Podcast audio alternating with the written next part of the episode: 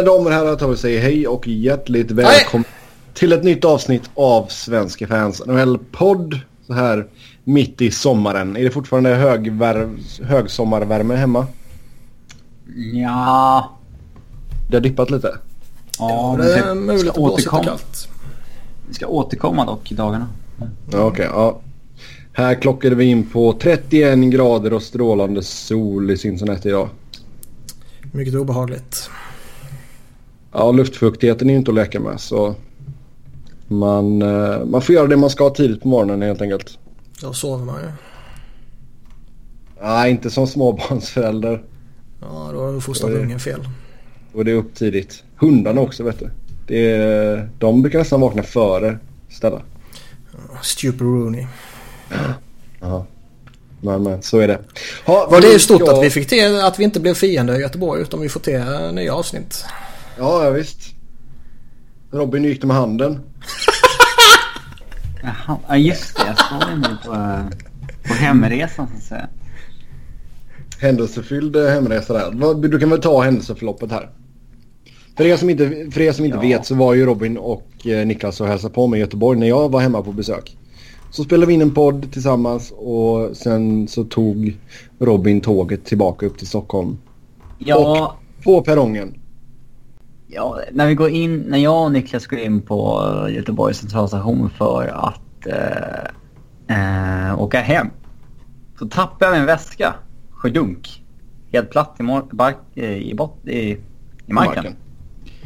Eh, men eh, ja, jag, jag tyckte inte att det verkade så farligt så jag bara lyfte upp den och fortsatte gå. Sen någon minut senare så stoppade någon kille mig så att det droppade från min väska. så då öppnade jag och Niklas och kollade och då... Man, direkt när man öppnar så känner man ju liksom som ett vodkamoln liksom, i doftväg. Jag hade ju då en vodkaflaska där inne som hade spruckit.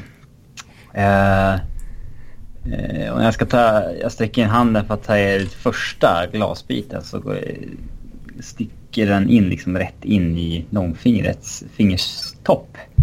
Så att jag skar upp fingret direkt.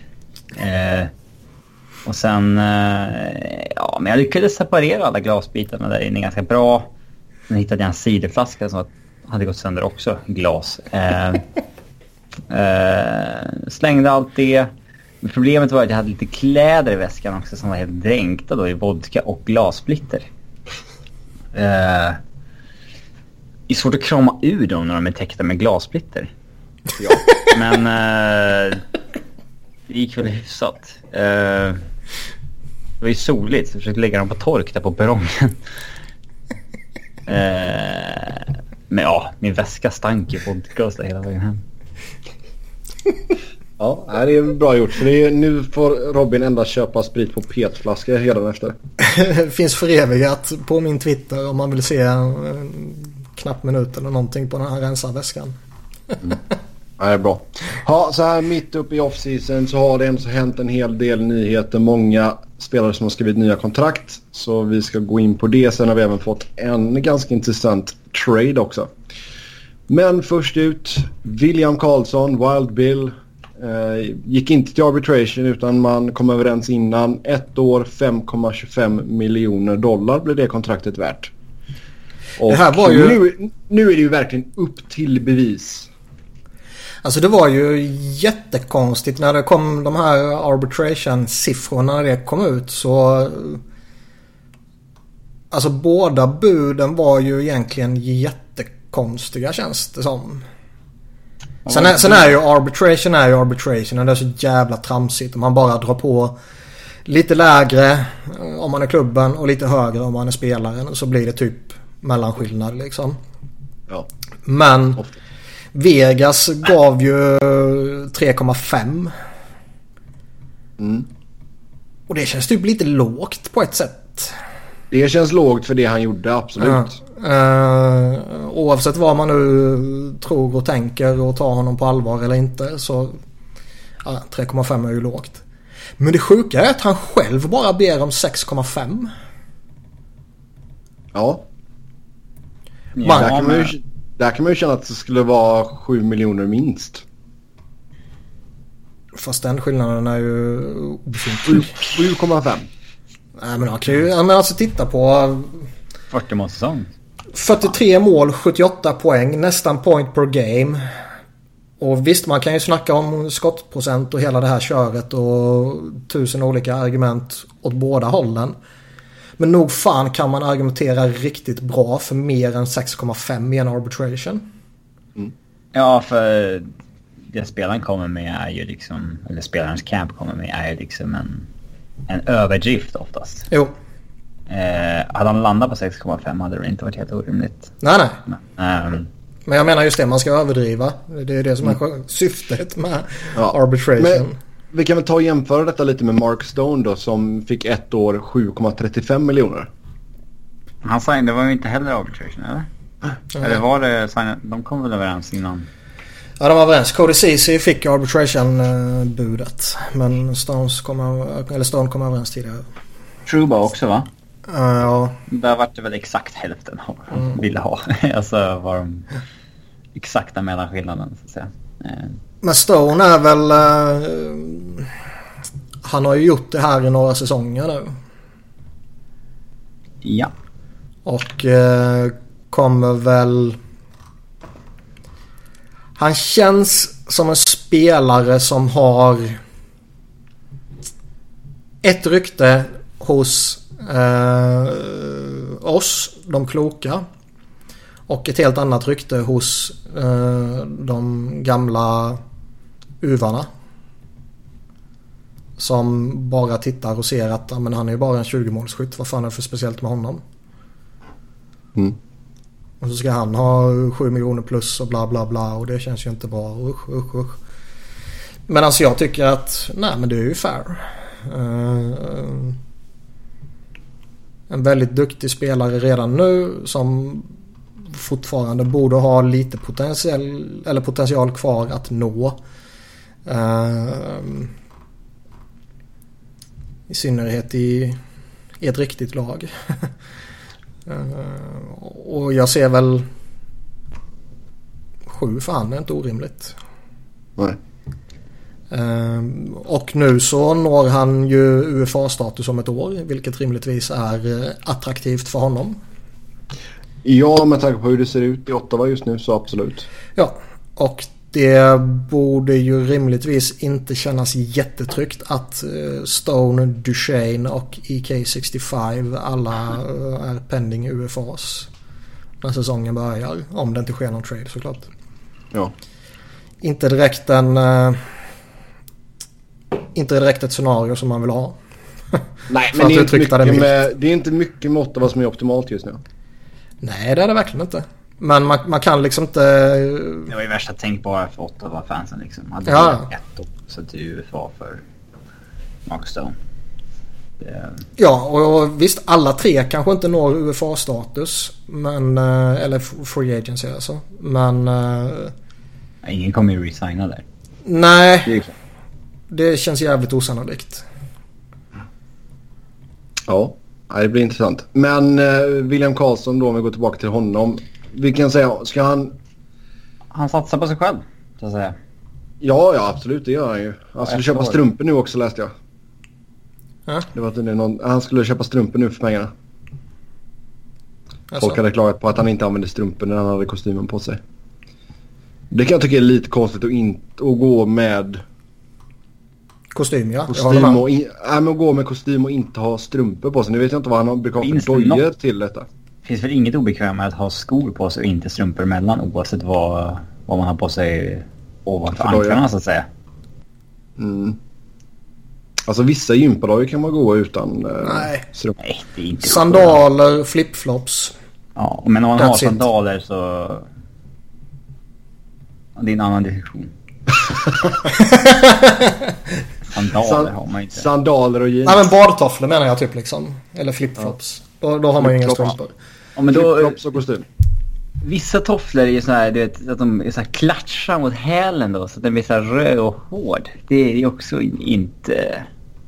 Så här, klack, klack, klack. Mm, och sen när man går lite fort så låter det som man knullar. Foppatofflor kan man gå i utan strumpor. Foppatofflor kan man inte gå i. Nej, foppatofflor borde, borde vara betydligt mer socialt accepterat än sandaler. Ja. Trä, Inga träskor, sandaler Är det, innanför är det någon som klubban. använder träskor fortfarande? Pappa har det. Ja. Jag köpte foppatofflor till honom eh, på Öland 2005 eller någonting. Gick han i dem tio år tills de liksom... Ja, gick i hål i dem till slut liksom. Man kan inte ha foppatofflor i evighet. Speciellt inte när det var inte riktigt brand utan det var ju liksom... Ja, knock-off. Okej, ja. Men tio år, det är nog så bra att de håller så pass. Ja, men då går han tillbaks till träskorna efter det liksom. Alltså, vad- alltså det måste vara jätte... Foppatofflor är ändå bekväma.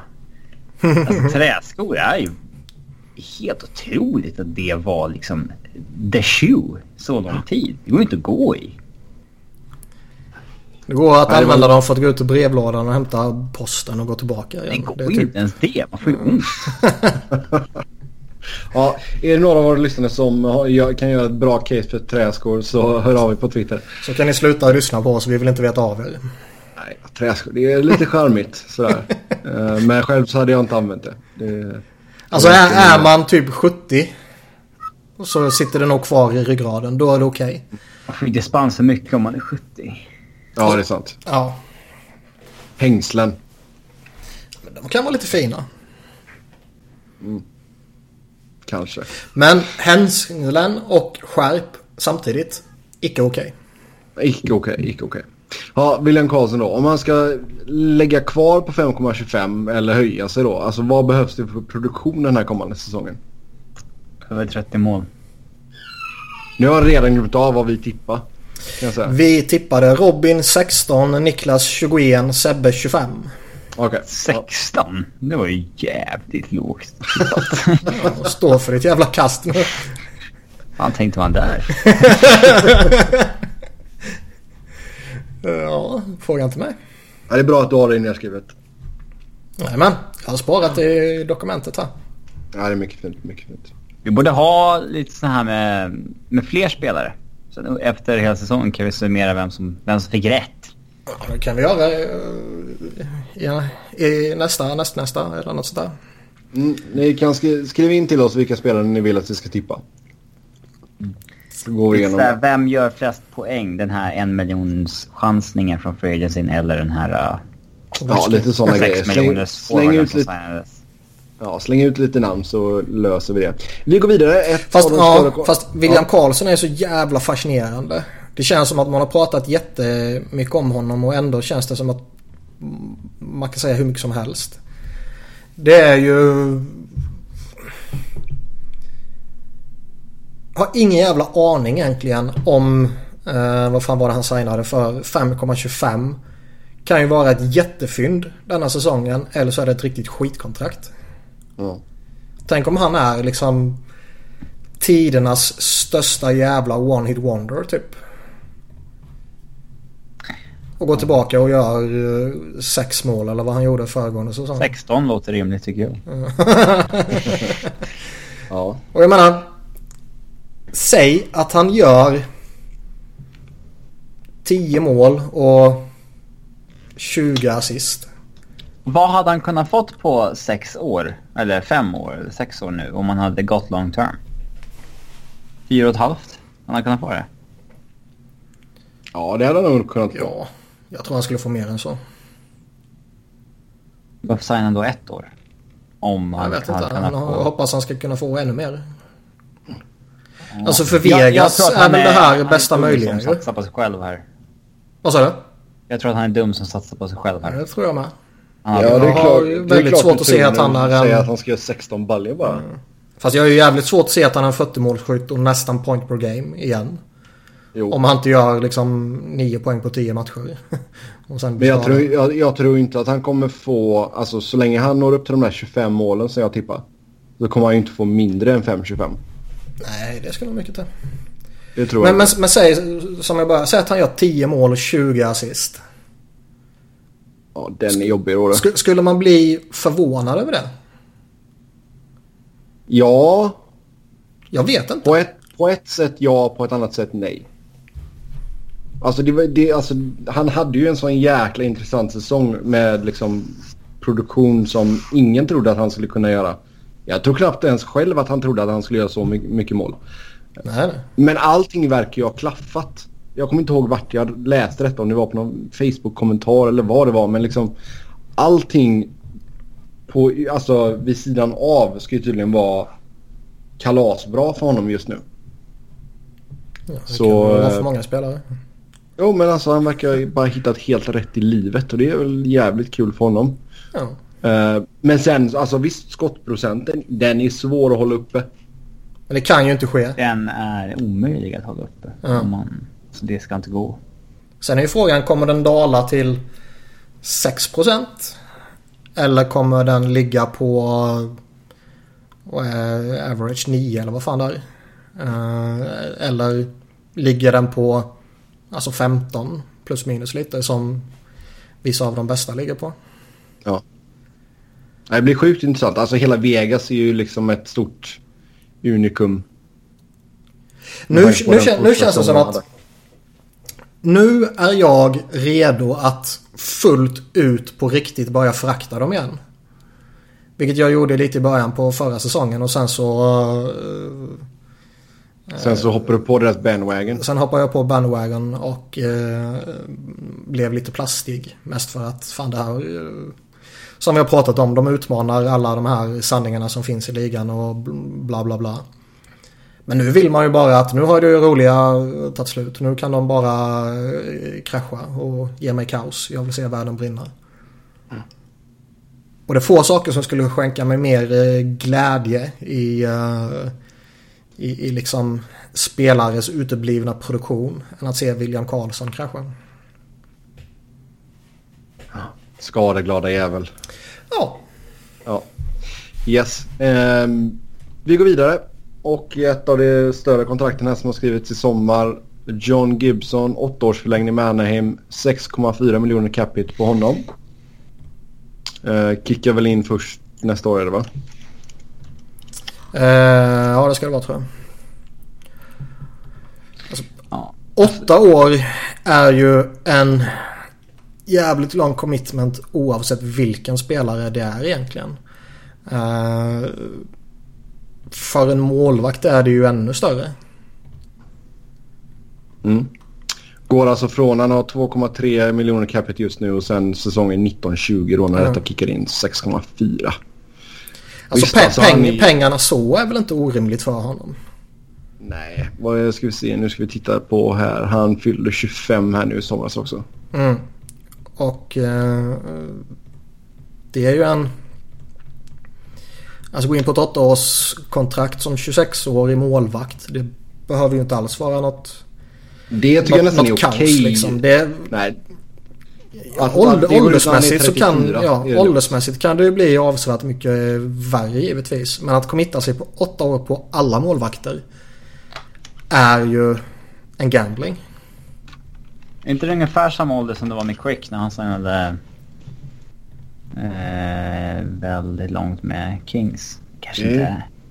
Kan det... Ska vi ta och Oklart. titta? Det borde den smutsiga LA-supporten veta. Så ska vi se. Han är 32 nu.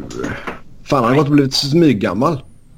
Men Han, är- han, är, han är gammal, det är känt. Men alltså, det är många som ändå säger så här, men ge inte målvakter term, ge inte målvakter term och så här, Men det är svårt att vara Fast ibland har man ju inget att välja på ju. Ja, han, var, han var 27. När det kickar in i alla fall. Men ja. eh, alltså, det är svårt att vara laget som bara... Nej, vi tänker inte ge målvakt i term. Alla andra lag gör det, men vi tänker inte göra det. Jo. Då, eh, Alltså ska det ske... riot mot dig liksom. Då får du hela omklädningsrummet mot dig och allting. Alltså säkert. Eh, Jo, Ja. men de signade ändå så 10 år med honom. ja, det var ett annat ser bra. Ja.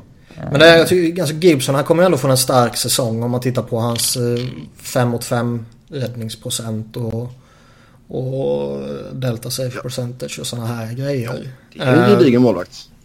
det är en bra målvakt eh, som kan mycket väl vara en toppmålvakt i ligan under eh, en stor del av det här kontraktet. Men jag är Ja. inte helt övertygad om det. Nej, men jag sa också så här att det, det är väldigt få målvakter som har varit elit liksom i eh, åtta år. Det är ingen typ. Men det, det... Det räknar man väl kanske inte med heller. De signar ju inte honom på 10 millar på 8 år. Mm. Nej. Så med målvakter får man väl räkna med att det är ett, kan vara ett år när man är i mittenskiktet. Sen ett år i toppen och något år lite below average kanske. Och, ja. Jo, det är sant. Och Men du det har ju faktiskt sett Bob Murray skriva några långa kontrakt så det känns som att han skiter fullkomligt i vad som sker om fem år. Kanske det. Mycket Utan, sant. eh, han kör här och nu. Men det här, ja. Visst, de kanske hade kunnat haft... De kanske hade kunnat få sex år på honom istället eller någonting. Men... Ja... Jag klandrar dem inte så hårt för det. Nej. Nej, och sen jag vet inte hur deras, hur ser deras pipeline ut med målvaktsprospects. Jag vet inte. Men det är den här delen av podden du brukar läsa upp några namn som ingen känner till. Olle Eriksson Ek. Borde du känna till. Känner du till honom? Ja. Jag vet faktiskt inte hur det ser ut i övrigt. Angus Eh. Radman har de i pipelinen. Vad säger du om honom? Jag har ingen jävla aning. Ja, exakt. Ja. De tog Lukas Dorstal i tredje rundan nu här senast. Det går ju inte att säga någonting om målvakter i pipelinen heller. Alltså det är ju... Förutom Målvakter kommer ju oftast, de kommer ju oftast från ingenstans helt plötsligt och bara är bra. Och eh, de som draftas högt floppar ju alltid. Oftast. Inte alltid. Man kan ju aldrig planera för det. Alltså, Nej. snackar, Nej, det kan du inte göra.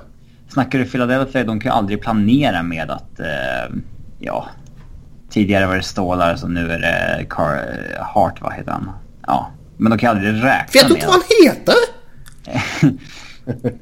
De kan aldrig räkna, eller Alex Leon till exempel som det var tidigare. De kommer aldrig kunna räkna med att någon av dem är liksom en above average NHL-målvakt. De, Nu känner jag lite specifikt Flyers-förakt här. Det tycker jag inte är okej. ja. Nej, det är alltså visst målvakter. Det är, det är tufft att försöka säga om om, de, om de breakar igenom får man lösa det. Ja, jo absolut. Men detta är ju en sån stark fingervisning att det är, det är Gibson som gäller såklart. Så Ja, det ju Hade din- du förväntat dig att de skulle komma hitta Nej, på. Ryan Miller eller? Nej, herregud. Att han fortfarande är kvar. Det var ju, ja. Han blev lät som precis som det var när, eh, när Habs hade Price och Halak. Och de skulle välja mellan den ena och skeppa den andra. Det är liksom, ja men här committar de verkligen på, på han och den andra kommer skicka. Det lät som ja, nej, upp nej. ett sånt argument. Nej, Ryan Miller han spelar ut den här säsongen. Sen lägger väl han av antar jag. Det känns nog rimligt, inte alls orimligt. Ja, herregud. Han, ja. Ryan Miller. Men sen är det väl lite det här med åttaårskontrakt att när man inför maxgränsen så kommer ju folk gå efter maxgränsen. Självklart. Och om du Men då bör- är en, en, en toppspelare i hierarkin så kommer du gå för topplängden. Eller maxlängden. Och eh, bevisligen så är ju Gibson en klart kompetent målvakt som är i deras, som du sa, målvakten de ska committa till. Och det är klart han kommer gå för ett maxkontrakt. Ja, nu och sen kan vi ju snacka om om åtta år är för långt eller inte. Ja, Men det jag menar, det, det ryktas ju att de vill gå ner till fem år i CBA-förhandlingarna. Och det är ju mer rimligt ju. Ja, det är sant. Och det känns ju konstigt om man skulle sätta olika gränser för olika, alltså att utespelare, ja du kan få sju eller åtta år då. Beroende på om du kommer som free agent eller inte. Målvakter, ja du får max fem. Max fem på målvakt. Det hade ju aldrig gått. Målvakter är ju... Alltså mål, det, det förs ju alltid diskussioner om målvakter. Å ena sidan så vill folk att de ska draftas senare för att det är svårt att bedöma målvakter i den åldern. Uh, å andra sidan så är de ju individualister i ett lagspel och å tredje sidan så när man ska ranka de bästa spelarna så kan man inte inkludera målvakter utan de får vara i, en egen lista och sådana där saker. Så målvakter är ju... För det första så måste man ju vara lite dum i huvudet för att bli målvakt oavsett vilken sport man pratar om. Eh, och jag är själv gammal innebandymålvakt så jag vet vad Ja, jag ja. pratar om. Jag har stått i mål i handboll. Ja, exakt. Ja. Det är idiot. Det Ja, det, det, det är dumt på riktigt. Innebandymålvakt är ju lite sådär, jag är lite halvt crazy bara. Lite precis som jag är. ja. Ja. Men, men handbollsmålvakt då är man ju... Det är ju inte ont. Då är man, nej nej. På vad den träffar. Jo. Om man inte har Men- suspensorer så kan det göra ont. Ja. Även Men om alltså du har det- sust på att få den mellan benen med handbollet. Det är, det Ja, men jag pratar innebandy nu. Men målvakter är lite så här, man kan inte... Man kan inte så hävda, man kan inte... Hur, hur lätt är det att hitta en ny målvakt gång på gång på gång som ändå är eh, above League average? Och samtidigt ska man aldrig committa på en läng- över tid. Det kommer aldrig finnas någon... Nej, det är jättesvårt. Man kommer ju ta en risk åt det ena eller det andra hållet. Antingen committar man för långt på någon som kanske kommer dala eller så riskerar man tappa den man liksom har. Om man Exakt. inte vill committa eller liksom signa bara kortare kontrakt och... Ja, det är väl... Riskerar man att den jäveln får ett jävla career year precis när det är ett förhandlingsår. Så att det blir ett 10 miljoners kontrakt liksom. Ja. Och, Jo, men det är väl sällan vi har sett lag som hoppar fram och tillbaka mellan många målvakter vara ett av topplagen också. Eller kan ni komma på någon så här på rak arm? Nej, Caps var ju där och nosade lite grann. Eh, med Vokun och det var Neuvert, det var Varlamov och det var Holtby. Och... Mm. Men sen landade de i Holtby liksom. Ja. Yes, men Gibson, bra payday för honom i alla fall. Cody CC, Ottawa, ett år, 4,3 miljoner. Ja, det var arbitration-kontraktet som han fick ju. Mm. Och... Vad bad de om? Det här valde väl arbitration att gå på spelarens linje, eller?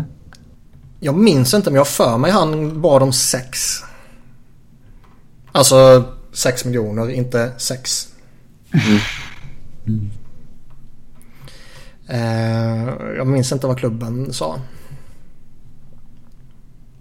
Vad tycker ni? 4,3 det är rimligt? Nej, Nej. herregud.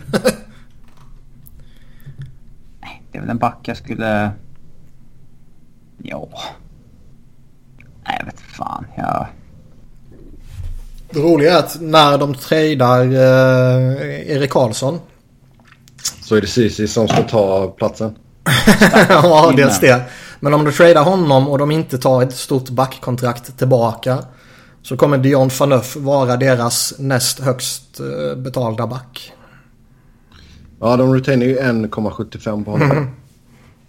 Och sägs bli dyrast. Ja, herregud. Ja, Karlsson har man ju då på 6,5, sen CC 4,3. Sen är det Borowiecki på 1,2. Chris Wideman på 1 miljon. Riktigt sexiga grejer. Ja, och sen har du Volanin på 9,25. Chabot eh, entry level 8. Han är ju i sig jävligt 6,3. spännande. Och Ja, han kommer ju vara den bäst betalda om Mm. år. och sen Harper på 7,25. Alltså 725 000. Ja, herregud. Usch. Ja, vi får se vad som händer där borta. Men, men. Sen över till Colorado. Där har vi en svensk i Patrik Nemeth. Ett år, 2,5 miljoner. Robin, nu ställer du till Nemeth och hans nya lön. Jag hade inte haft något emot att släppa honom helt. Men eh, det är ett ettårskontrakt nu får status efter det. Det blir väl inte hela världen om han eh, eh, spelar ett år och sen lämnar. Men eh, Men om du skulle sätta backuppsättningen här hur vill du att den ska se ut på opening night? eh, Nikita Sadorov och Ty- Tyson Berry ett första par. Samuel Gerard och Eric Johnson i det andra par. Och det är ändå en topp fyra man kan leva med, som Niklas brukar säga. Ja. Eh, Ian Cole får agera barnvakt åt... Mm, ja, det blir, ja, det blir nog Mark Barbero då för mig. Så då skulle Nemeth vara sjua. Rätt dyrt för en sjua. Ja, det är det. Ja, men han kommer inte vara sjua. Nej. Det är, det är den där backen som är coachens gubbe så att säga. Kommer Gerard vara ordinarie? Ja, annars vore det absurt. Ja, man vet aldrig i den här jävla ligan. Ja, men det vore ju konstigt om de gick tillbaka. Alltså han har ju varit spelare. Han, han har ju Jo, varit det vet jag. Men det är också en spelare som det känns som att några felstudsar för honom och sen är han petad. Anton Lindholm dock. Där kan man nog kanske se någon som återvänder till Sverige. Han kommer nog inte spela så mycket. Nej. Men visst, Ja, då kan de väl skicka, skicka ner till AHL. Han är ju waivers, waiver exempt. Mm, men han, han har ju spelat ett helt år i NHL i princip. Han känner sig lite done med AHL kan jag tänka mig. Men Nemet, man... eh, Han hade ju den här säsongen där, man, där han liksom lyckades eh, på något jävla sätt ha jättebra plus minus liksom. Eh, det är det som har gjort att han eh, kunde kräva en, en, en bra lön så att säga. Ja. Eh, han var ju plus 27 Så ja, ja. det är ju det är alltid någon defensiv back varje år som lyckas med något liknande. Mm. Eh, och i år hade han den eh, flyten så att säga. Då Yes. kan man ju, alltså det är klart man kan krama ur någonting ur ett sånt kontrakt. Alltså gör man inga poäng plus 27 då kommer man ha ett bra case liksom. Jo, det är väl sant även fast vi inte personligen håller plus minus särskilt högt. På vad man snackar om. Är det någon spelare man håller emot så kan det vara kul. Yes. Emil plus 27 och Ekman Larsson var minus 28. Ja. Sant. Borde Nemet fått 8,25 istället? Det, det är säkert... Eh, alltså det är säkert det där som har gjort honom till coachens kille. Nästa säsong när han är minus 15 efter 20 matcher, då kommer det säkert vara annat ljud i skällan. Mm. Då kanske han får sitta och käka popcorn på läktaren. Mm. Vem vet, vem vet. Spelarna som är scratchade, de sitter väl inte där och käkar popcorn? Det är helt sjukt. Jo. Popcorn. Ja. Nachos har jag sett, men popcorn? Det finns Det är popcorn väl i mer- är överflöd väl- på pressläktarna. Det är väl mer sjukt om de skulle sitta och käka nachos. Nej, Popcorn, nachotallrikar pop, har popcorn är ju inte jätteonyttigt om vi nu snackar snacks. Hur mycket smör man har på sig. Ja, det har du jävligt rätt i. Men jag, Jag tror gillar de, inte popcorn alls. Så att jag... Jag tror, jag tror inte de slaskar på massa smör. Säg inte det, det är USA. Jo, men... Man ser ju när de bankar på glaset. Det blir så här flottiga handavtryck på så fort det har varit en fight. Alltså på. det, det är någonting, alltså sidospår här, men folk som bankar det- på glaset alltså. det är väldigt amerikanskt ja. Ja, herregud. Eh, Ja. Såg ni tweeten jag retweetade det här eh, om dagen? Det, som kallades väldigt amerikanskt från MLS All-Star-match. Nej. Nej. Det var alltså Brad Guzan, den gamla Aston Villa-målvakten som står i mål då för ena laget. i Ja, när de intervjuar honom under matchen. Han har så ett Ja. headset på sig när han spelar så de kan intervjua honom under matchen. När han Ja. liksom... Samtidigt som han snackar med backlinjen och... Ja, ja. Det måste vara helt... Jo, men det kör ju up på spelare ibland i ligan också. Ja, men de kör de- intervjuer då ju. Alltså intervjua honom Ja, under jo. spelet. När Erik Karlsson lite- står och quarterbackar ett PP liksom. Ta en intervju med hur, honom. hur tänker du nu? Ska du skjuta? Nej, Nej, nej. det Varför sköt du inte? Ja, men han, han låg i block där. Ja, nej, det är lite konstigt. Ja. Men, men det är ju alltså, det är, det är ju en jippo-match så visst att man gör det där liksom. Det var det. Det, går långt även där. Ja, visst. Jo, det är sant. En annan svensk som fick nytt kontrakt det var Robert Hägg i Philadelphia. Två år, en cap hit på 1,15 miljoner. Niklas, din inställning till detta? Det känns väl fair. Eh, han är väl en hygglig back för tredje paret. Det är inte return of the Hague-hype än, eller nej? Nej. Ja, du Han, får samma fråga som eh, Robin. Hur vill du att backparen ska se ut opening night? eh, Provorov, Erik Karlsson. Uh, Amac, Ja, av de spelarna. Raka där. Ja. Cook- Cookie on cookie. Eh, Nej men Ghost och Provorov bör man väl behålla som ett av ligans bästa backpar. Sen är det ju... Alltså man kan ju är- Den är väga... inte mycket bra alltså. Nej men alltså man kan ju väga fram och tillbaka. Vad, vad är bäst? Att ha ett superbackpar eller sätta dem i varsitt par och få... Dela upp goda som AMAC eller sätta dem i samma alltså. Superback. så. Jag skulle nog fortsätta med, med Ghost och Provorov och sen Sunheim Gudash. Och AMAC med Hägg. Ja. man hoppas ju att det skulle bli Philip Myers. Att han uh, kör skiten ur training camp. Men det, det känns mer sannolikt att det blir uh, Hägg. Samuel Moran är borta det här året va? Eller har han varit Februari. borta ett år? Eller var det? Nej, han är borta till februari. Ja, ja. ja. Mm, Den är vi. Mm. Mm. Och så Christian Folin på läktaren. Ja, Popcorn. Popcorn, exakt. Kanske, Yes. eh, vad heter man i Philly? Philly cheesesteak. cheesesteak. Cheese. På läktaren. Ja. ja. Det lär man nog kunna få tag på på arenan ska säga. brukar ju käka sån här eh, pretzels som är formade som klubbloggan. These pretzels are making me thirsty. Mm. Och så får du ha en bärs på det. Ja. Ja, bärs dricker de nog inte där uppe i alla fall. Nej, inte som man ser det. Nej. Nej, de, säger, de häller i en kaffekopp istället så ser det lite snyggare ut. Man har en sån här brun påse runt flaskan. Ja, men då, då vet du ju att det är alkohol. det, det drar ju mer uppmärksamhet än om man skulle ha en genomskinlig Ja, vodkaflaska liksom. Det ser ju så, upp, det är så uppenbart att den där, den, det, är in, det är inte rent mjöl i påsen. Nej, exakt. Ja, Nej, det är konstiga, konstiga lagar i vissa delstater. Det är det. Ryan Spooner då, New York Rangers, två år, fyra miljoner. The Spoonster.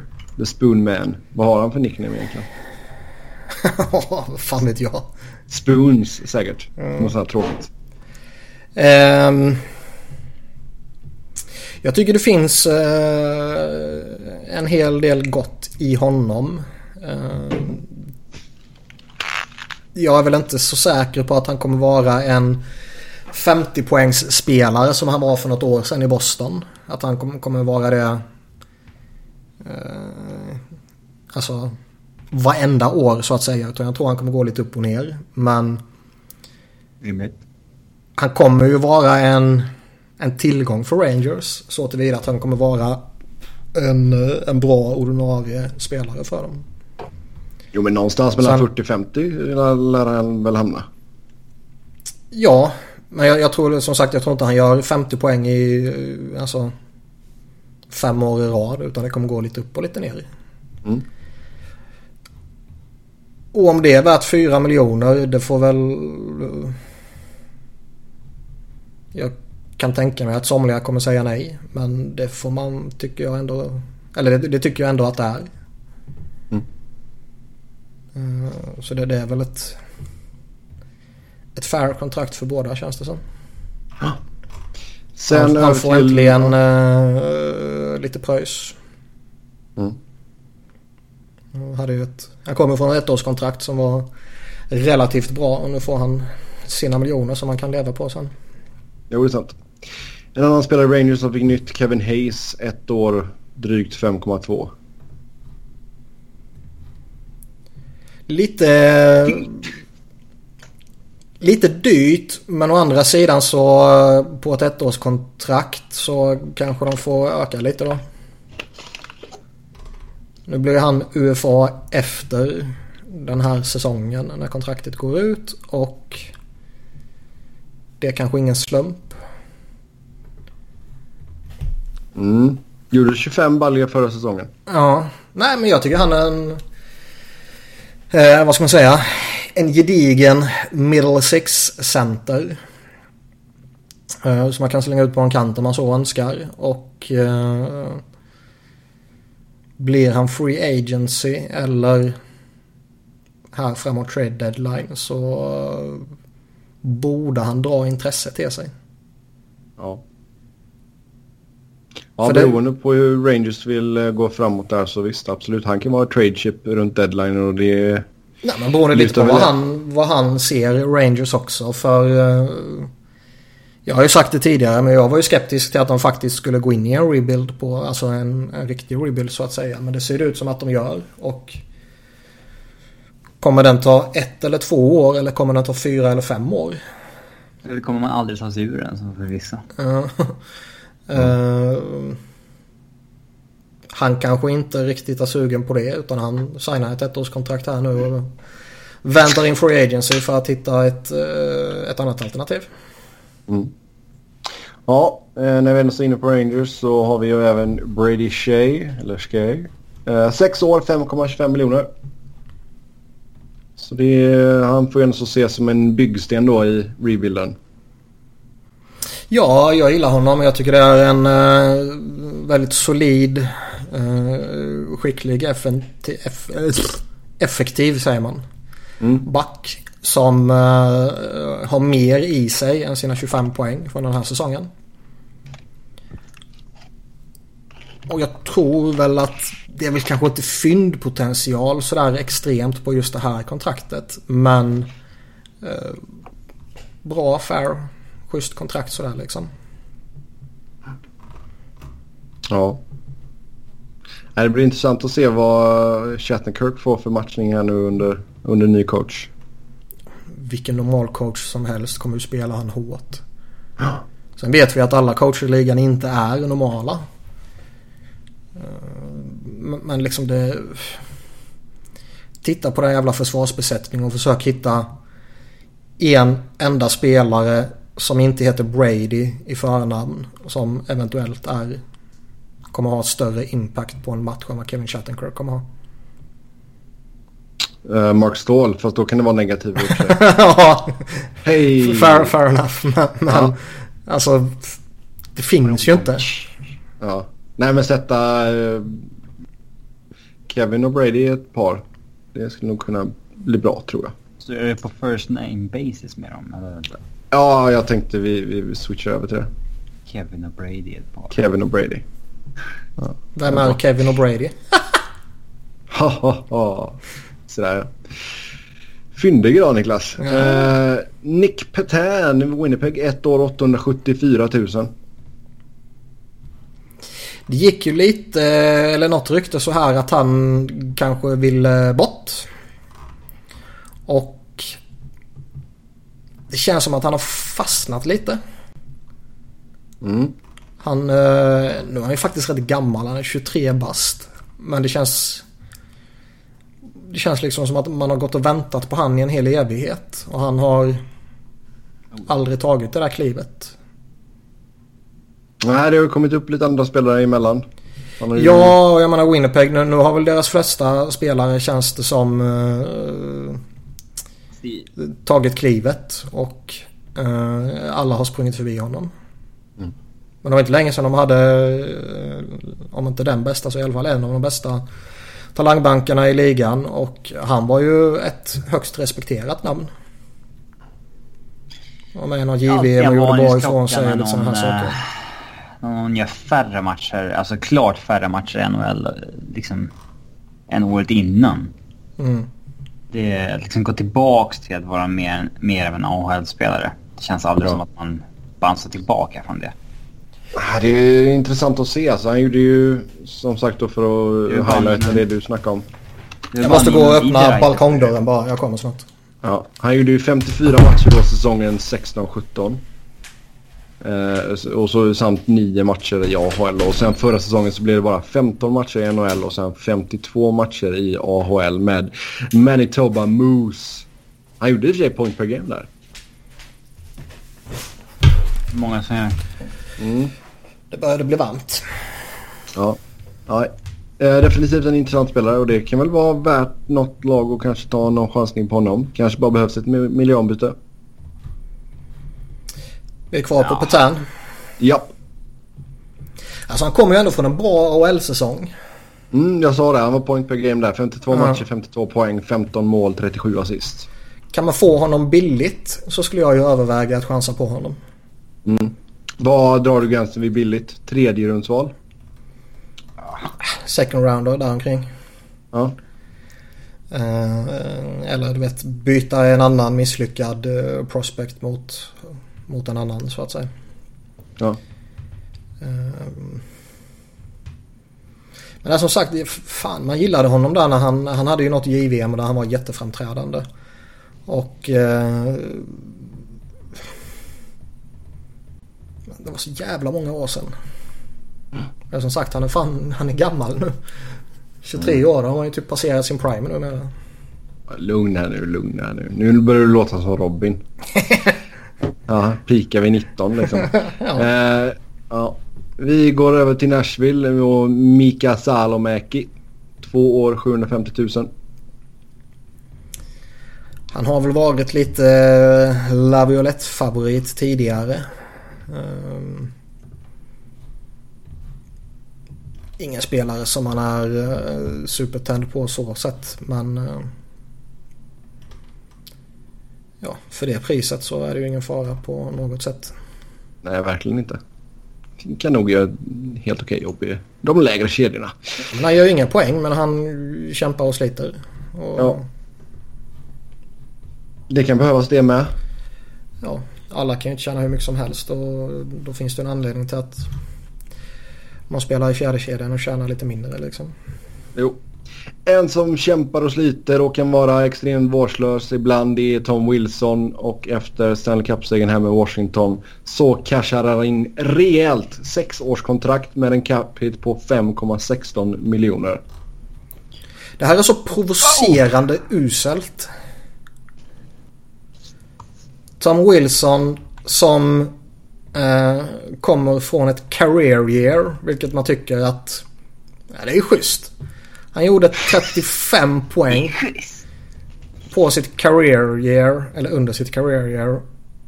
Och en stor del eh, av den säsongen spenderades med Ovechkin och en av Bäckström eller Kuznetsov. Och snubben gjorde 35 mm. poäng. Ja, alltså det är ju det är fortfarande en 15 poängspelare om man spelar en tredje fjärde line. Ja. Och liksom 35 poäng eh, för Tom Wilson om man bara tänker på vad han är. Det är ju bra. Men det är ju inte bra i en... Uh, I den rollen i en första kedja med dem. Alltså, med två av de betalt, tre. Han får ju betalt för att göra mer än vad han har gjort tidigare nu. Han ska ju sen visst, han kommer 60 från, poäng. Ja, sen kommer han från ett slutspel där han gjorde 15 poäng på 21 matcher och... Uh, ja, det har vi sett för med Brian Bick. Eller ja, det funkar inte liksom. Det får man alltså, betalt för liksom. Och en kupp på det får han betalt för. Men nu tjänar han mer än snittlönen för en first line winger i ligan. Med ett career på 35 poäng. Jämte Ovechkin och Kuznetsov. Mm. Det är så... Men vad säger ah, alltså, Jag blir arg. Att, jo, men för att leka djävulens advokat här då. Så har man ju sett folk försöka försvara detta med att säga att ja, men han skapar ytor för de andra och... Corey Hirsch gick ut liksom att han är värd sina pengar för... Eh, man kan inte gå in i sarghörnen mot honom, typ. Eller vad fan han nu skrev. Något sånt ubåtarkorkat så det finns inte. Jag... Eh, Nej, så jävla provocerande, uselt och korkat det här. Mm. Ja, rätt åt Caps tyvärr. Alltså, gör man det så här. De kommer ju få lida för det här men det är rätt åt dem om man gör, gör ett så dumt eh, beslut. Det, alltså ingen, oavsett hur die hard Caps-fan man är, så här, hade ju klandrat eh, Caps för att man skickade honom om det kom ut att han kräver... Han har ju bett om mer än det här. Men när jag berättade om 5,5 eller 6 typ. Och så har de landat någonstans här. Ingen hade ju klandrat dem för att de skickade honom för det. eh, det, det, det är ju liksom... Den absolut det... enda argumentet som man kan använda för att signa Tom Wilson till det här kontraktet. Det är att han rimligtvis inte kommer skada någon medspelare. Ja, ja rimligtvis. Men jag är inte helt säker. Men rimligtvis. Mm. Och ja. är det värt att betala 5 miljoner för? Nej, det vet jag inte. Det känns lite tveksamt. Alltså jag tycker ändå så att de gjorde helt okej okay med Karlsson-kontraktet. Det kan jag förstå att man ger honom 8. Ja, fan. Det känns ju marknadsmässigt. Men, men det här, mm. ja, nej, jag... Nej men du tog ju mer eller mindre alltså. Du känner ju lite stålar när du eh, skickade iväg Brooks Orpik och sen tog tillbaka honom. Vi kan ju ta det också. Brooks Orpik signar man på ett års kontrakt på en miljon. Eh, plus lite men, eventuella bonusar då. Han, han eh, på, det här, eh, på den här traden och utköpet och det nya kontraktet. Så jag tror det var några hundratusen han går back. Jo, uh, alltså, och, alltså, hans personliga ekonomi så är ja, det inte så mycket. Exakt. Och, och, och liksom... Men hur, Caps, Caps, Caps får ju ändå så lite utrymme där capmässigt sett och då slänger man det på Tom Wilson. Liksom, hur kan det vara tillåtet att göra? Att skicka en spelare, ett annat lag köper ut honom och sen signa honom. Hur kan inte det vara Cap circumvention? Sen klagar inte jag på att de tar tillbaka honom för hans siffror är skitdåliga. Cred caps här tycker jag för att man hittar luckor i ja, systemet. Och, absolut. Men eh, är det liksom, absolut. Men är det Brooks Orpik man vill utnyttja det på? Nej, men eh, ja, det måste ju vara en spelare som... Eh, alltså ändå ligger i zonen för att köpas ut. Jo, jo, men eh, det finns ju bättre eh, alternativ än Brooks Orpik. Ja, men... Eh, det är såna här grejer som kommer... Så fort något sånt här sker så ökar ju risken för en ny lockout. Ja, det... Den är ju mer eller mindre redan bekräftad känns det som. Mm. Ja, men för varje sån här uh, loophole som hittas, som utnyttjas framförallt, så är det ytterligare ett problem som ska lösas inför, alltså som, som kommer ta en viss tidsperiod att lösa. Ja, ja, herregud. Listan blir lång på grejer som de ska försöka beta av där. Uh, men visst, de ser ju Orpik som någon slags lagpappa så ett år, en mille, det är väl skitsamma. Men just att man tar den capspacen som man ändå ska skapa och kastar den på. På Tom Wilson, ja det går att diskutera så, som det, sagt. Jag har sagt det många gånger förr och när jag spelar, eller inte jag, men när Flyers spelar mot Washington så är det inte Ovechkin eller Kuznetsov eller Carlson eller Holtby eller Bäckström eller Oshie eller whatever man fruktar att möta. Utan det är ju Tom Wilson. För man vet att han hittar på jävelskap. Man vet att han headhuntar. Man vet att han är galen. Man vet att han går på ryggtacklingar och huvudtacklingar. det ligger ju tyvärr något värde i det liksom. Ja, och det är det som är så sjukt. Ja, alltså... Det är väl det många av uh, de äldre hockeyfansen går igång på. För att det påminner ändå en del om hur det var förr. Mm. Men det ligger ju ett värde i att ha en spelare som alla är sky för. Ja. Den anledningen för att han... Ja, men det är ju det korkade som Carl Hirsch och, menar ja. då. Att gå in i sarghörnet mot honom så är han värd sina pengar.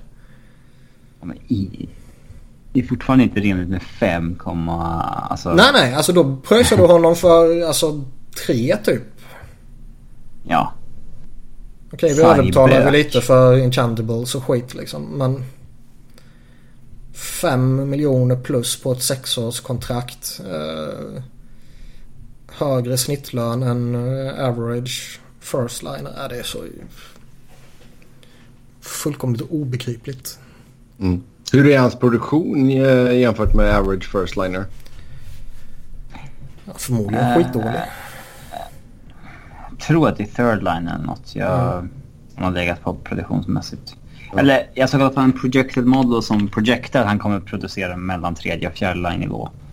Mm. Commodore.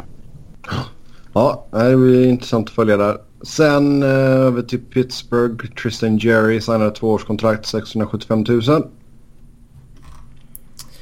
Eh, ja, och eh, de har ju två alternativ bakom Matt Murray, Casey Smith och Jerry känns det som. Ja. Båda de två är ju signade på klart överkomliga pengar och det känns som att Pittsburgh har fått Matt Murray nu på två billiga år kvar här nu och eh, kan man då få en billig backup på det så kan man ju beta in de där miljonerna på några andra håll. Typ Jack Johnson. ja, exakt. Ja, herregud. Ja, det, det kontraktet är också roligt. Um, sen har vi Mattias Janmark i Dallas, ett år, 2,3 miljoner. Ja, han rider på VM-hypen. Ja. Lite upp till bevis där såklart och även för honom då med ett ettårskontrakt. Mm. Han, har ändå gjort några... Han har ju ändå två schyssta, eller alltså, inte överdrivet så, men, men helt okej okay säsonger bakom sig med 15 och 19 eh, mål. Och sen lite skadeproblem däremellan dock. Ja. Ligger han kvar på de där siffrorna så är väl det här ett, eh, ett, ett vettigt pris liksom. Ja. ja, det är sant. Yes, sen Minnesota. Uh, först Jason Sucker, 5 år, 5,5 miljoner. Jag gillar honom. Han är kvick utav helvete. Uh, han är duktig 5 mot 5. En av... Uh, fan jag har sagt tidigare. Jag tror det var 21 spelare som gjorde minst 20 5 mot 5 mål. Uh, han var en av dem. Mm. Och... Uh,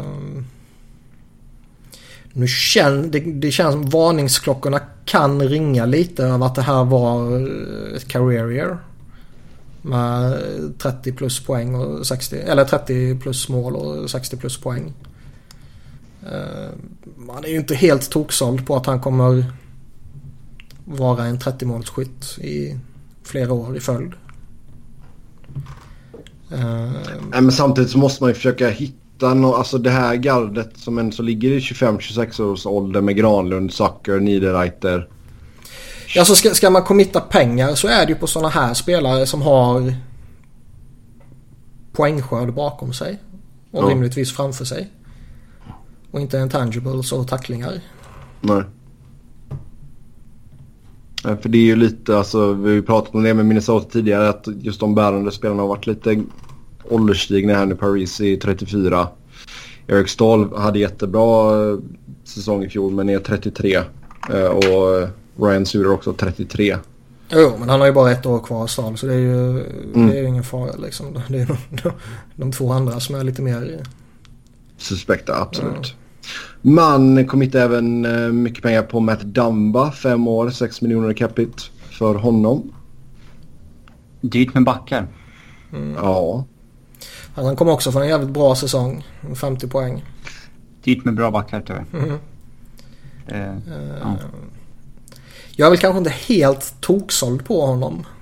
Som, vad ska man säga, topp-topp-back. Nej men 6 mil är inte topp topp lön längre. Nej nej nej men om man pratar alltså eh, topp topp back i en backbesättning utan att kanske väga in pengarna. Ja. Eh, 6 miljoner för vad han har gjort och vad han förmodligen kommer fortsätta göra. Eh, är väl inte orimligt. Men jag är inte helt såld på hans storhet om man säger så. Nej. Vilket man, eh, alltså. För några år sedan så kändes han jättespännande. Riktigt där han, han har, han har, har kanske inte nått. Upp. Det är ändå många killar som, som är lika hypade som honom för tre fyra år sedan som inte har blivit någonting. Han har väl ja, ja, nej, nej. Jag menar ju inte som att han har floppat på något sätt. Inte alls. Men... Eh, det känns som att han har inte maximerat sin potential. Sen är Nej. inte det, han har inte gått och blivit dålig och han är jätteduktig så jag menar inte så. Han är ju på väg ner nu, han har ju fyllt 24. mm. Det är kul att han signade ett femårskontrakt men Ryan Suder har två år längre kvar på kontraktet. ja, herregud. Yes. Mm. Sen signar man även Matt Reed på ett ettårskontrakt, 650 000. Ja, eh, Reed kan fortfarande vara en tillgång i fjärde kedjan och eh, kan döda utvisningar. Mm. Och 650 000, inga pengar? Inga problem överhuvudtaget. Funkar det inte... Ja.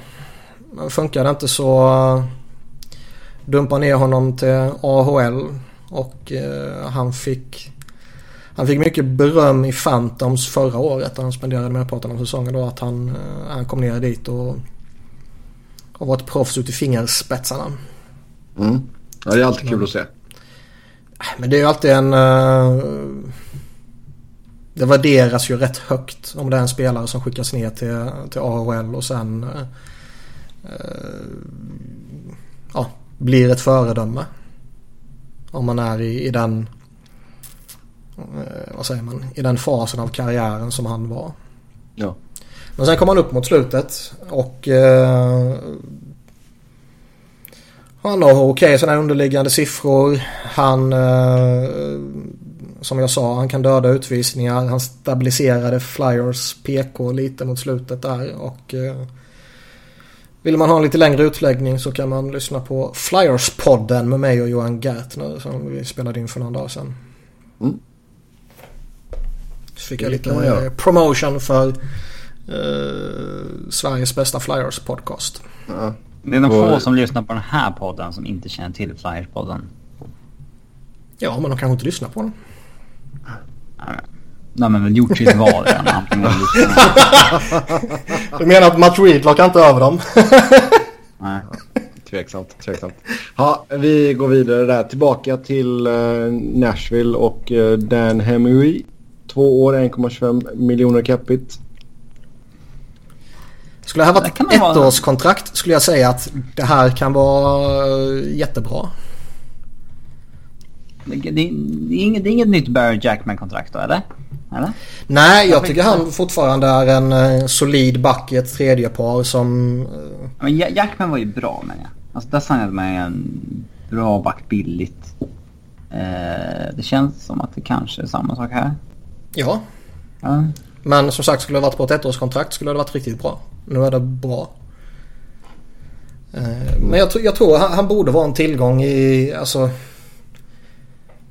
Det borde inte finnas någon minsta lilla risk att han är något annat än utanför topp 4. Sen kanske man väljer att splitta på några av deras fyra men, men det liksom kommer ändå vara fyra andra som spelar mest. Hur man än formerar backparen. Och, och ha Dan Hamwi som din femma, sexa i, i dagens läge och låta han rensa lite eh, där bak och, och sådär och spela lite PK. Det, det tror jag han gör bra. Mm. De behöver ju något bättre bakom sin fantastiska topp 4. Jo, det är sant. Det har varit lite skakigt där. Mm. Nu, om... nu, nu kan de ändå... De kan ju behålla ett, ett första par som är skitbra hur man nu än väljer att formera det. Sen kan de ju splitta de två andra och fortfarande ha två bra par. Ja, backbesättningen ser ju riktigt bra ut för dem. Mm. Det gör den. Sen skulle de splitta tidigare och sen låta en eh, Webber eller Irvin eller Bitetto eller något sånt där eller eller eh, Jemelin eh, lira där då, då blev det ju två backpar som det kändes inte så jävla tryggt. Oavsett om det var Ekholm eller Ellis eller Josie eller Subban som var jämte dem. Nej. Nej, det blir intressant att se om detta är en av de där sista pusselbitarna som Nashville behöver. Vancouver, Jake Virtanen eller Virtanen. Vi säger Virtanen, det är hans fin- finländska där. Nu kommer det en jävla fluga bara för att öppna dörren. Åh nej, inte en Fluga. fluga. Nej, inte en fluga. Jag tänkte, jag tänkte att det kom in obehagliga en jävla- katt eller en fågel eller någonting men en, en fluga. Katt tror jag inte när jag bor på tredje våningen. Ja, det vet man aldrig. ja. Ja, men ingen, ingen sån där vanlig fluga. Någon jävla uh, obehaglig jävla insektsskit. Ja, okej. Anabola fluga. Jag bor ju på botten så jag vågar fan inte öppna dörren den här tiden. Ja, Då kommer in ett lodjur. Ja, den orienterar eller någonting. Ja. hopp, hopp, hopp, hopp. Ja, eh, Jake Virtanen då. Två år, 1,25 miljoner. Är det här bra business av Vancouver?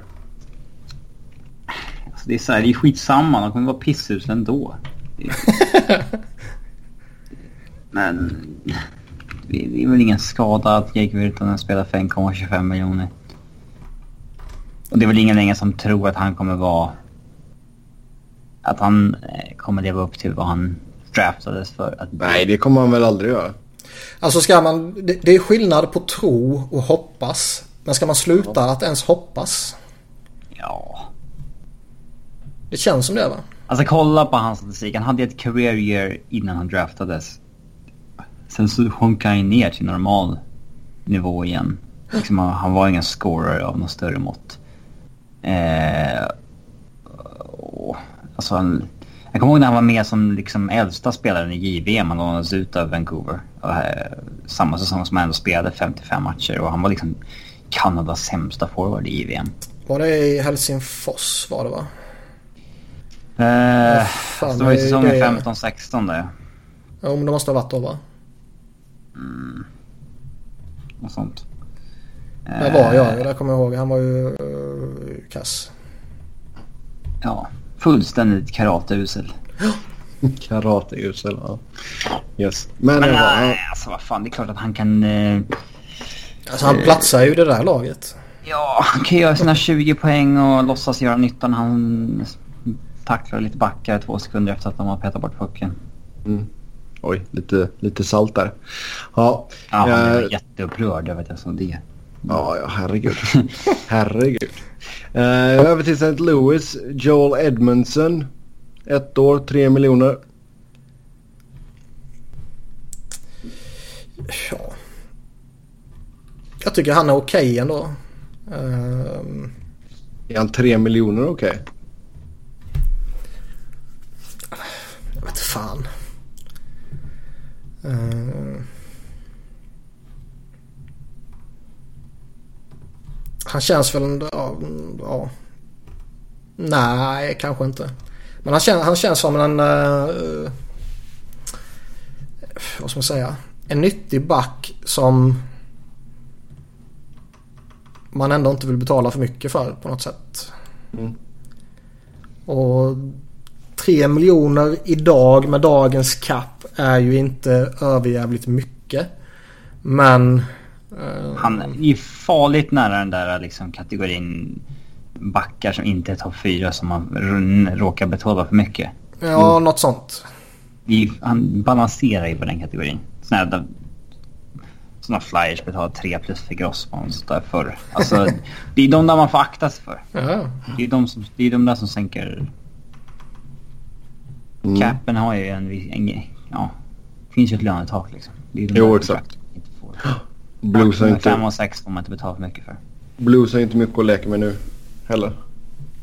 Japp. Mm. Anaheim då. Brandon Montour. Två år, 3,38 miljoner. Han är ett skön.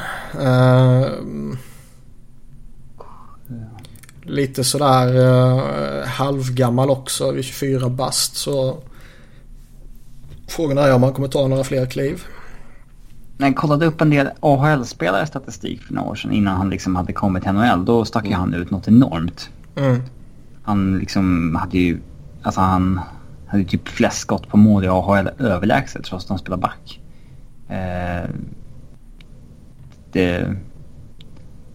Ja, det verkar vara en intressant spelare. 32 poäng, det är ju det är inte fy skam. Nej, det är det verkligen Hampus inte. Lindholm gjort det? Men,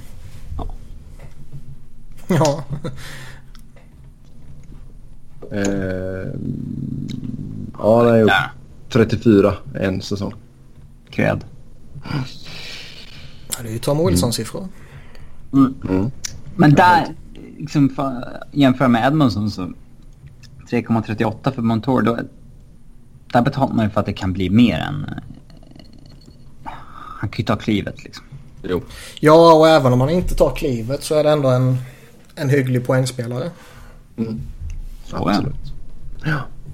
Brock Nelson, New York Islanders. Ett år, 4,25 miljoner.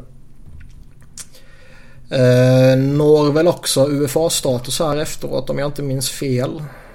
Vilket man kanske vill som en Islander idag. Det kan vi ta och titta upp. Ja, det gör han. Eh, det känns väl som att eh, om man har möjligheten att signa ett ettårskontrakt skulle man inte göra det då och se vad det här tar vägen innan man eventuellt committar long term. Jo, alltså här har du också alltså Islanders nu. Visst, man tappar ju Tavares. Det är ju riktigt Jobbigt. dåligt. Men du går ju även, det kan ju vara så att du kliver in i säsong också då med Eberle, Nelson och Anders Lee som penning över fas. Och det är ju lite jobbig situation när du har det laget du har på pappret idag. Alltså det finns ju fortfarande en hygglig potential i det här laget. De har fortfarande eh, ett gäng bra forwards. Eh, Och det finns sämre spelare att bygga nytt kring än Matt Barzal.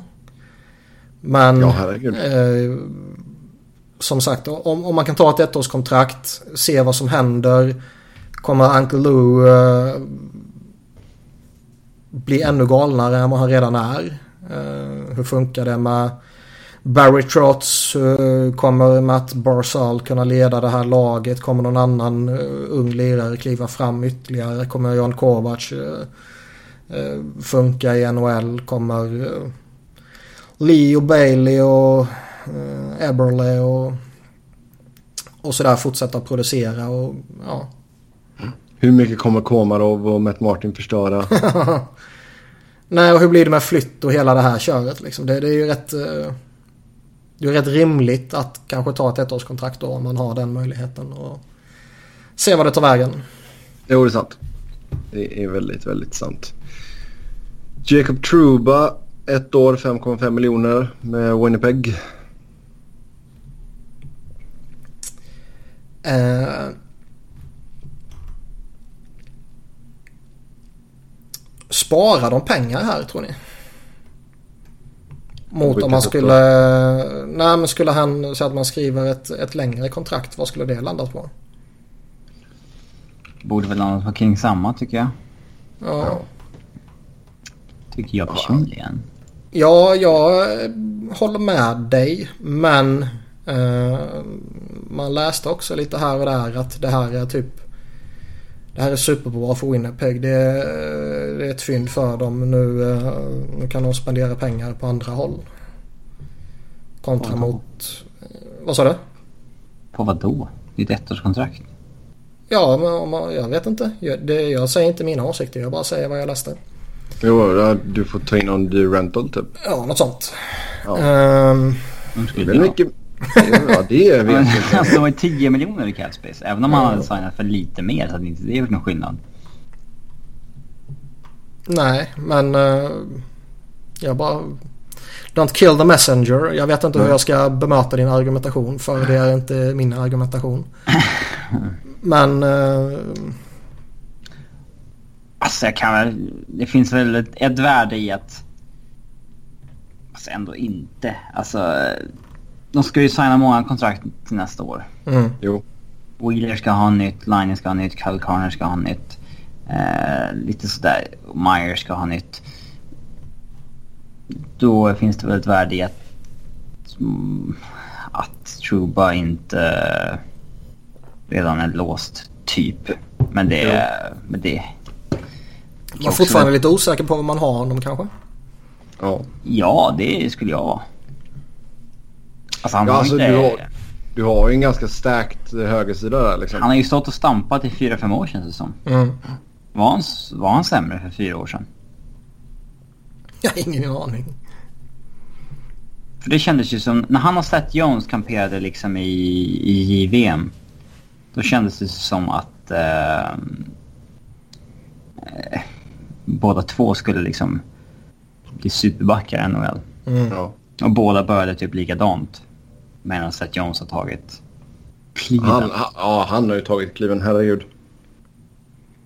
Ja, han är väl okej. Ja. Samtidigt. ja, jag ser här. eh, Winnipeg, som sagt intressant. Men visst, de skulle ju kunna spendera på någon dyr rental här. Eh, fram mot deadline. Absolut. Ja, visst. Så vi får se. Vi får se. Vi får se. Yes, eh, Troy Brower köps ut av Calgary. Chockerande. Det här såg man aldrig komma. Ja, speciellt inte när kontraktet skrevs. Nej. Nej. Så eh, visst, nu betalar man honom 1,5 miljoner i fyra år. Alltså jag undrar om så här GMs... Är de dummare än oss som inte fattar sånt här? Eller är det liksom att ja, men vi kan ta den smällen senare? Vi förstår att det här förmodligen blir det så, men vi kan ta den smällen senare. Det, Men de måste vara dumma i huvudet. ja, man tror ju det. Men Fast, fast det är ju en sak att resonera så. Säg det liksom ett 6, 7, 8 års kontrakt på en uh, TJ Oshie. Han kommer förmodligen vara bra majoriteten av åren. Eh, Det kommer nog skita sig för oss de sista två åren. Men ja, det tar vi. Det, det, det bryr vi oss om då. Jag kanske inte ens är GM längre. Det, den dagen, den sorgen. Mm. Jag vet inte, vad var det? Fyra års kontrakt på Troy Brewer. Man kan, man kan inte resonera så då. Men då var han 30. Man trodde kanske att ja, fyra år håller han. Eller man ser ju på fan varenda jävla powerforward som kommer kring 30-årsstrecket. Man är ju skitskraj. Finns det någon förutom Jerome Iginla om man nu inkluderar honom i uh, powerforward-kategorin vilket ja. Uh, han kanske är mer än en powerforward menar jag. Jaha, ja okej. Okay. Eh, Hans kropp tar väl lika mycket skada för det. Jo, jo, men du fattar vad jag menar ändå. Han är, han är liksom mer en, en stjärna än en powerforward om man ska säga så. Mm. Uh, det är bara han som finns det någon fysiskt. annan som har hållit fysiskt så många år liksom? Jag kan inte komma Sen på någon. Förföll han ju liksom ändå. Jo, men han föll när han var 39 eller någonting. Ja, och inte då fysiskt. Han gjorde ja. ändå sina 82 matcher. Ja. Uh, men Visst 30 år Troy Brower, han har gjort 40, liksom legat kring sina stabila 40 poäng flera år. Sen fyra år, ja, ja. Nej, jag hade inte gjort det men uh, att det ska köpas ut efter två år, det var kanske ändå lite tidigt. Sista året kanske. Ja. Yes. Sen fick vi en trade också. Jeff Skinner gick till Buffalo i utbyte mot Cliff Poo. Second round 2019, third round 2020 och ett eh, sjätte val 2020 till Carolina. Vilken skittrade. Buffalo gör det ju riktigt bra här. Det är nästan som man kan tro att Don Waddell inte är så jävla bra som din GM. Ja. De ger ju bort honom här. Visst, nu fanns det väl lite sådär... Uh, ja, han styrde sin egen framtid och han, det ryktas ju att han har tackat nej till någon annan trade och har han... Jag till Buffalo för. ja, men det, kän, det känns liksom att hur jävla desperat är man inte att lämna Carolina om man accepterar en trade till, till Sabres. Men Visserligen, han har man nobbar andra lag. Han har bett av kontraktet, inspela Mia Keikel.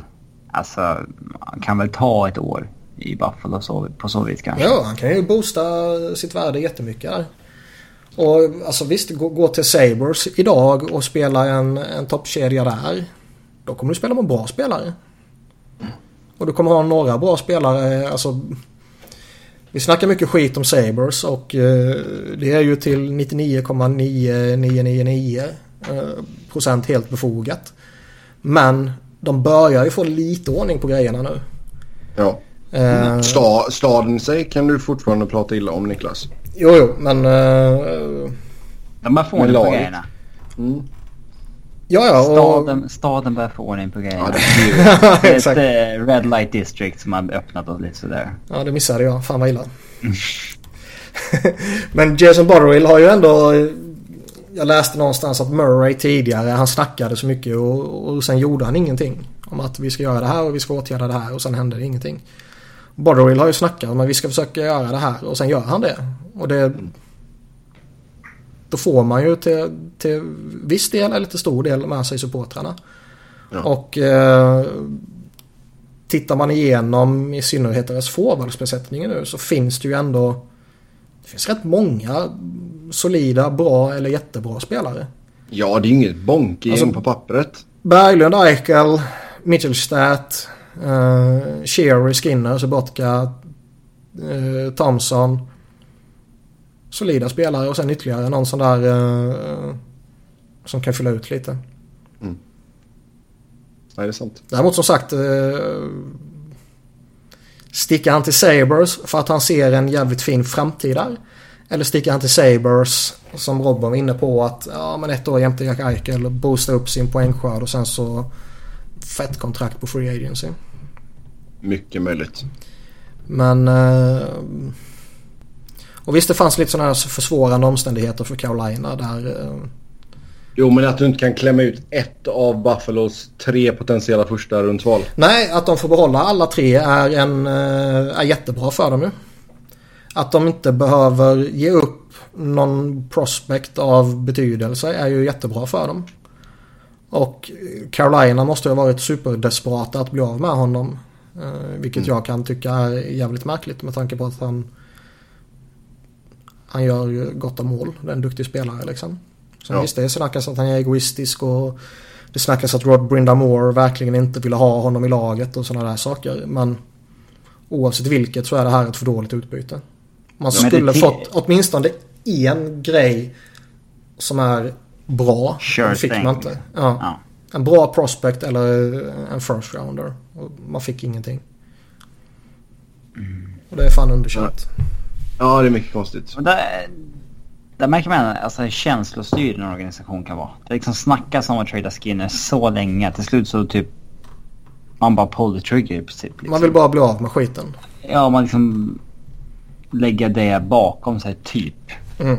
Och för att återigen koppla tillbaka till, till Joe Sakic och Matt Duchene.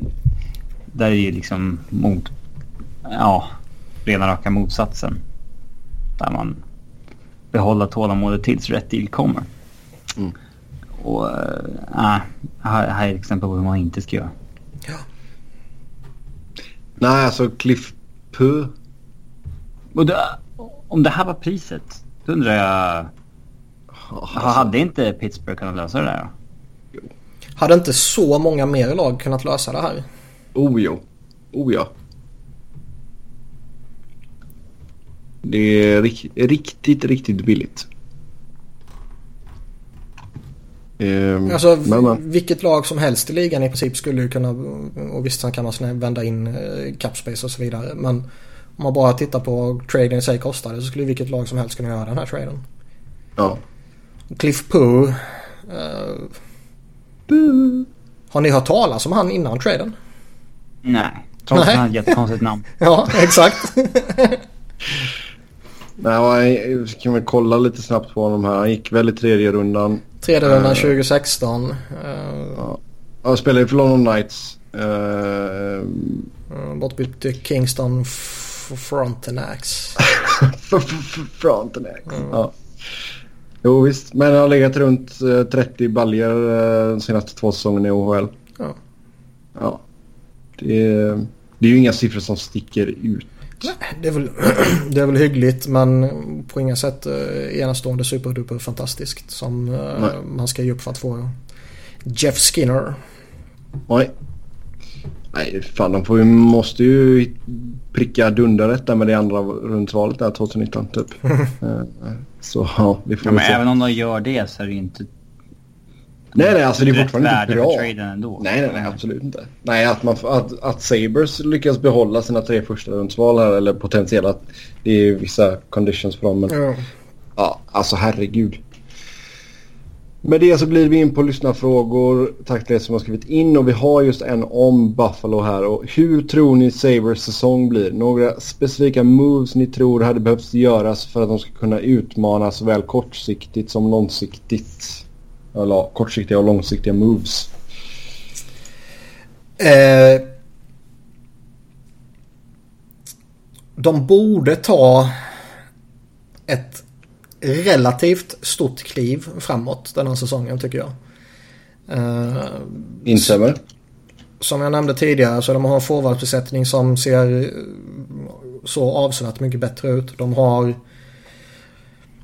vad har de? En handfull eh, dugliga backar. Där Rasmus Dahlin kan eh, Alltså han skulle ju kunna göra en supersuccé. Ja. Eh, Vågar har, man förvänta sig det? Alltså vågar man förvänta sig 60 poäng och wow? nej, Nej, det är klart man inte vågar. Men, men han skulle alltså, det- kunna. Ja. Det tar ju lite eh, press ifrån Ristolainen också. Mm. Alltså, Det kan, nog göra, det kan nog göra honom jävligt gott tror jag. ja. Att mer fokus hamnar på Dahlin. Sen är det väl, det är ju ett litet frågetecken på Carter Hutton. Eh, som det alltid är med de här backup-målvakterna som, som ska kliva in och göra någonting. Och där Ja. vet man ju inte vad man har. Linus Ullmark är ju också oprövad liksom. Jo. Men eh, de borde ta ett kliv. eh, om inte annat för att Jack Eichel får göra en hel säsong. Om, han, om han nu får göra det. Och eh, nu har flera alternativ att leka med. Mm. Och vem vet vad Casey Mittelstadt gör till exempel? Ja, det är sjukt att det är Ullmarks fjärde säsong där borta. Han blir 25 bast. Och det är han som är deras framtid. Ja. Det är fan nu eller aldrig, grabben. Nej, men en stort kliv framåt, absolut. Uh, jag menar, förra säsongen var ju 62 poäng liksom. Det är ju uruselt. Sen är ju ett stort kliv framåt och det är ju att vara typ bubble team. Ja. Men ser du att de kan ta sig upp över 90 poäng liksom? Är det, är det rimligt att begära att de ska ta ett... Det, för jag menar, det är ett stort jävla kliv.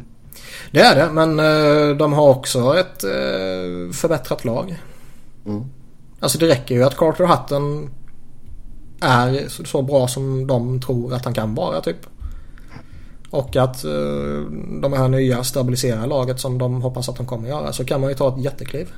Mm. Alltså tittar vi på div- divisionen. Tampa, Boston, Toronto känns ju i min mening dundergivna som topp tre. Sen har du ju alltså Ja. Detroit, Detroit ah, alltså det, Montreal, Ottawa, jäkla tire fire liksom. Florida blir antingen fågel eller fisk där. Florida har ju potential. Där, där kan ju mycket Jo, jo, det är absolut. absolut. Sen tror, jag, Så- sen tror jag de har fått svårt att slå sig in i topp tre. Mest för att de tre är så jävla starka. Så ja. Nej, Det blir sjukt intressant att följa i alla fall. Det blir det. Men eh, det kan nog vara lite väl mycket begärt att de ska slåss om en wildcard-plats redan denna säsongen. Ja, jag men eh, jag. potentialen finns där. Mm. Eh, specifika moves då? Alltså, vi sn- snackar lite om målvakterna där. Men det känns väl inte som att man kommer ta in en, en till målvakt där, eller? Eller? Men kortsiktigt, nej. Ja.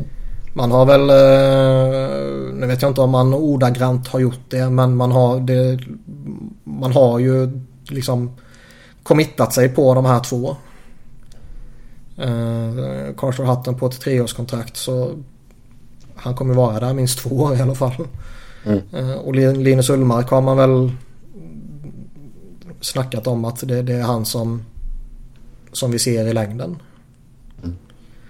Eh, Jag tror till och med Carter Hutton snackade något om det. Och den har man ju satt där. Det känns som att Hutton som sagt han kommer att ha två år. Eh, kanske tre om det blir jättebra eller kanske man tradar sista året om det inte funkar så jättebra. Och om man nu håller Ullmark så högt så kommer man ju testa honom i alla fall. Och det känns ju som att om han inte eh, kraschar fullkomligt denna säsongen så får han ju i alla fall en säsong till på sig. Mm. Eh, Vilka moves kan du säga att man gör då? Tror du man kommer... Alltså, vi kan ju ta det här med de här conditionerna då på eh, första rundsvalen. Man har ju sitt eget då såklart. Och sen har man även San Joses. Eh, så om inte Sharks går till slutspel så kan de välja att behålla det och så får de det 2020 istället. Och sen har man även St. Louis och är det så att St. Louis får ett topp 10 pick eh, 2019 så kan man eh, välja att behålla det. Då blir det också 2020 istället. Alltså man skulle ju kunna leka med sitt eget. Om man vill spetsa till det. Jag undrar om man kommer... Eh, hur ser man på Dalin liksom? Kommer man slänga in han i topp 4 direkt och lira han med Ristolainen typ? Eh, eller vill man behålla honom lite försiktigt i ett tredje par?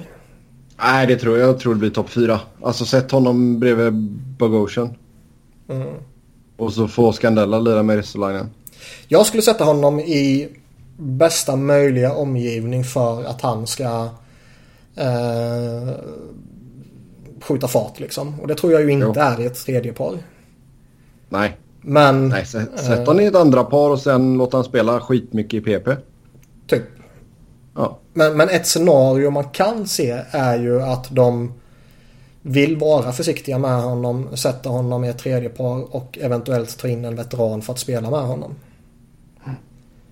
Eh, om man nu inte ser Matanovic som den veteranen typ. Mm. Men eh, jag tror inte på det. Han, han, bo, alltså, han borde vara topp fyra. Och spela med någon av de, de två högerfattade där uppe. Ja. Jo. Jag, jag tycker det... eh, Ja, det vore konstigt annars. Jo, det är sant. Ja. Eh, sista, vi, tar, vi har två lite längre frågor här som vi faktiskt kommer spara. Jag kan teasa dem lite. Då ska vi eh, ranka de tio bästa från eh, Ryssland, Sverige, Kanada, USA, Finland och kanske Tjeckien och Schweiz också. Och sen lista det Ja, sämsta Tjeckien, med... tio bra spelare kvar. Det får vi se. Och sen eh, ska vi även lista det Frågan är, är det genom Sämsta. tiderna eller är det idag? Det är en väldigt bra fråga. Jag har ställt en motfråga till den här frågan men inte fått ett svar ännu. Okej, ja, då får vi se om vi får något svar på den. Annars får vi bestämma inom oss själva här. Eller så gör vi både och. Genom Ja. tiderna blir väldigt, det blir de gamla vanliga liksom. Jo, det är sant. Ja, vi kör nutid kör vi. Ehm, och sen lista det sämsta med varje Får vi ta med. Jäger? Nej. Annars bojkottar jag. Ja, hej då. Kanske fortfarande är topp 10. ja det är han kanske. Vem fan vet. Ja. Så det och så lis- lista det sämsta med varje, organisation. Det kommer alltså i kommande avsnitt. Men för att avsluta det här avsnittet så ska vi ge våra tidiga tips som vilka vi tror blir Stanley Cup-vinnare samt en outsider. Så nu den 6 augusti när vi spelar in detta. Eller det, Den det sjunde ja, det vill augusti. bli. Ja. Det har hunnit bli den 7 augusti i Sverige i alla fall. Så ska vi alltså ge vilka vi tror vinner Stanley Cup. Flyers. Uh. Shit alltså det här är svårt. Eh, Jag drar till med Tampa. Det känns uh, fegt men... Uh, Ja. Då Troligast. sä- då safear jag och säger Nashville. Jag går från Western Conference. Mm, Toronto. Outsider, där kan jag nog säga Toronto. Är de en outsider då? Ja, det får man ändå säga. Jag vet inte fan. Men, ja, det vet jag alla som lyssnar. Men det är ju svårt med NHL. Det kan ju bli en, det är 10-15 lag som har chansen. Jo. Jag tycker, ja. Jag vet fan om jag skulle säga Toronto som en outsider med, med den Okej. Forwardscoren de hade innan de petade in Tavares nu dessutom. Nej, Okej, okej. okej. Då viker jag mig där och så säger jag LA istället. Ja, det, det diskar vi. Det känns ju mer outsider-kompatibelt. Det är ju en outsider så jag bara sjunger om det. Men en sån jävla Ja. stor outsider så... mm, Det är inte seriöst. Det är inte seriöst nu. Vi måste, vi måste hålla en viss kvalitet i den här podden. De tog sig för fan Kanske om de tar in Voinov och det är lite... Det blir en sån här vi mot dem grej som laget kan samlas kring. Det har varit tyst där. eller? Ja. Lite för tyst. Hmm. Mm. Det brukar innebära att Flyers har något på gång. Men det läcker ju ingenting därifrån längre. ja, för fan. Ja, Voinov mot Ghost, tack. visst. Kan även tänka mig Provorov. Ja, det kan jag tro. Ja. Men en outsider, det är... En outsider. Mm, mm, mm, mm, mm. Alltså, tid, alltså i fjol det här, det hade man ju kunnat säga Ottawa. Jävla ras alltså, så snabbt. Eh, det, det, det, Är Edmonton en outsider? det, det finns ju liksom, som sagt, Alltså- det är 10-15 lag som har chansen. Mm. Alltså alla, Får alla man lag inte nämna något av dem? Får man inte nämna något av de 10-15 bästa lagen, då... Eh, Om vi säger att du, du får välja ett lag som inte gick till slutspel förra säsongen. ja, det minns jag inte i huvudet vilka det var. Men... Eh, Typ Jag kan ge några alternativ liksom. om du vill. ett, lag som, ett, ett lag som kan bouncea tillbaka. St. Louis, Dallas. Ja, då tänkte jag Dallas. De kan nog bouncea tillbaka. Dallas, och- Dallas skulle man kunna dra till med. Eh, ja. Ja. Outsider till årets flopp. Det vill säga det här årets Ottawa. Kan man säga det? Okej, det skulle jag. Oj. Det kan faktiskt bli Washington. Det, känns, det, är rätt mätt där nu. Så det är dåliga. Luften går ut. Det- Allting är bara Ja. kaos. Ovechkin kommer till kampen bakfull. Eller fortfarande full Fortfarande full, ja. ja. Ja, alltså där, jag brukar... Stanley Cup-baksmällan kan vara på riktigt där. Ja, det känns faktiskt som det kan vara på riktigt. Mm. Det är... Vegas Men... ska ju bli helvetesmäll också. Ja. Ja, det är mycket. Det är, på ett sätt så är det ju kul att det är så pass ovisst ändå. LA kommer ju krascha. Nej då. De kommer ta sig in till slutspel igen. Antingen som uh, trea i Pacific eller ett wildcard. Det är inga problem. Högst tveksamt. San Jose blir intressant. Har de inte lite för stark core? Oh, kanske. Vi, vi, men visst, alltså... Men samtidigt så förväntar vi väl ändå så att Edmonton bör ju inte vara så här dåliga igen. Det har vi ju sagt så många år. Edmonton bör inte vara så här dåliga och jag skulle bli förvånad om både Blues och Dallas missar igen. Uh, å andra sidan så är det så tight där runt omkring att uh, det är ju inte förvånande om LA, Colorado, St. Louis, Dallas, San Jose, Anaheim, Minnesota. Typ uh, skulle hamna några po poäng utanför strecket. Nej. Nej. Det är ju ett misslyckande det men alltså det är ju ingenting man ska hängas för. Nej, sant. Ja, med det så säger vi tack och hej för den här gången. Som vanligt så kan ni köta hockey med oss via Twitter. Mig hittar ni på @sebnoren, Niklas på att Niklas Wiberg, Niklas med C och enkel V och Robin hittar ni på R underscore Fredriksson. Till nästa gång, ha det gött, hej!